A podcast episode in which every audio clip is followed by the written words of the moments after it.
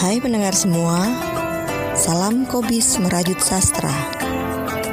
Pada Ramadan 2022 kali ini, Kobis Merajut Sastra akan menemani kalian dengan rangkaian cerpen selama sebulan penuh. Setiap cerpen akan dibuat berseri dalam 2 sampai 3 bagian.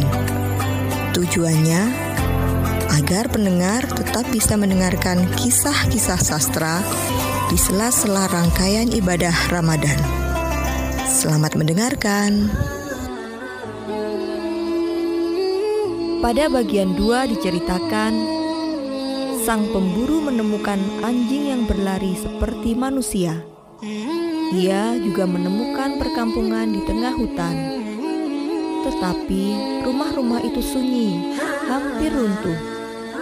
Tiba-tiba, sang pemburu disergap orang-orang yang muncul dari balik perdu dan ditodong dengan tombak.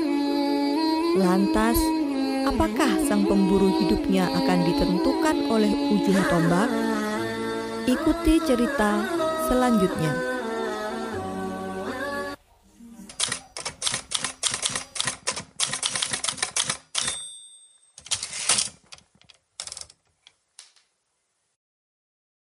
Anjing Hutan, karya Iman Suwongso, bagian ketiga.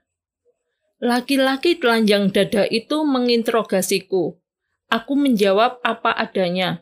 Seorang pemburu yang sedang mengejar anjing hutan pemakan ternak peliharaan orang di kampungku. Dia dikirim untuk memusnahkan kampung ini. Sebelas tombak bergerak bersama, makin menempel pada kulitku. Laki-laki telanjang dada menyingkirkan tombak-tombak terhunus. Tangan kanannya diangkat dengan lima jemarinya terbuka. Tua, dia akan meratakan kampung ini. Kata laki-laki bertutup wajah yang baru datang kepada laki-laki telanjang dada yang ia panggil tua. Badra, aku punya cara untuk menyenanganinya. Kata tua pada laki-laki yang bernama Badra itu tua. Kiranya orang yang disegani di kampung ini.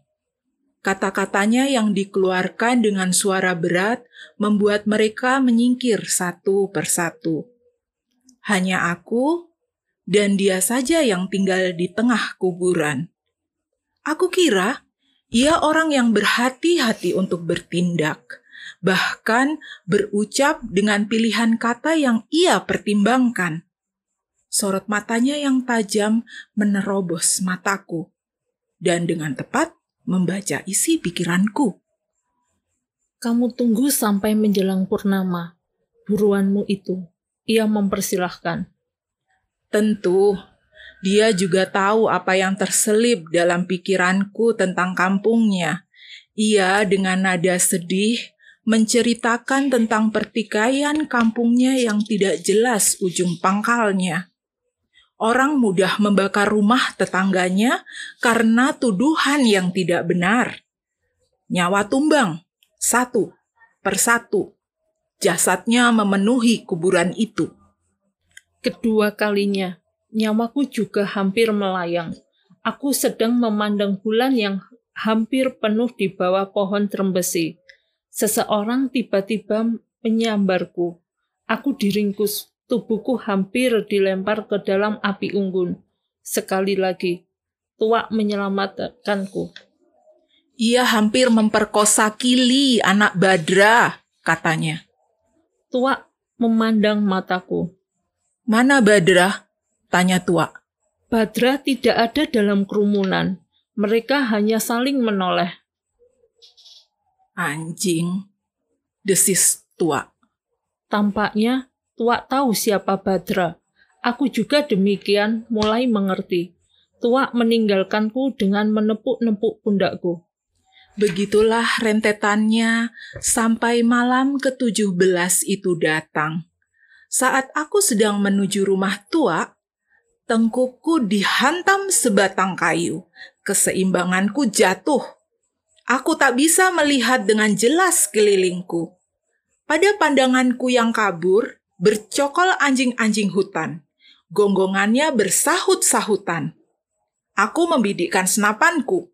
Aku menembaknya tepat di dada, tempat berlindung jantungnya. Lubang yang tertembus peluru menyemburkan darah seperti pipa ledeng yang pecah. Malam yang sunyi, un- malam yang sunyi, purnama hampir matang. Suara letupan senapan mengundang laki-laki penghuni kampung ini untuk keluar rumah.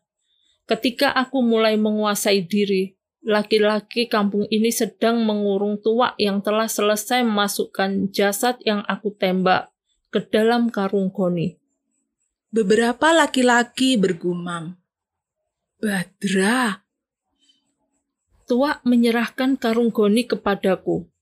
Saya titip, buang anjing hutan ini ke dalam sungai di pinggir hutan.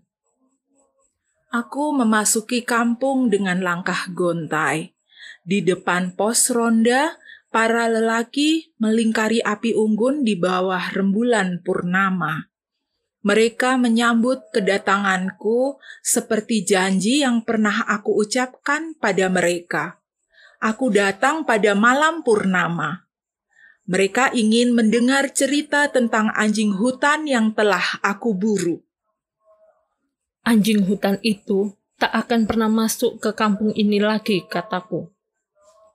Pada wajah pucat bulan, wajah Badra mengapung.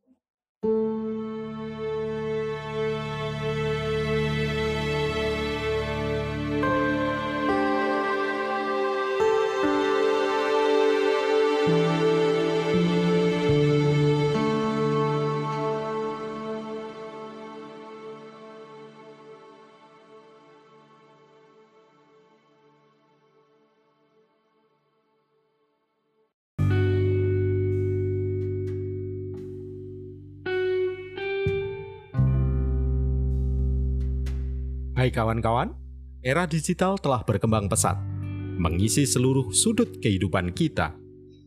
Podcast menjadi salah satu produk digital yang kini terus berkembang. Tak sekedar menjadi ruang dokumentasi, tetapi juga menjadi ruang interaksi publik. Bagi kawan-kawan yang ingin mempublikasikan karya podcastnya, Anchor pilihannya. Kenapa harus Anchor? Karena mudah menggunakannya dan bisa mengupload dari mana saja. Anchor bisa di-download di App Store dan Play Store secara gratis.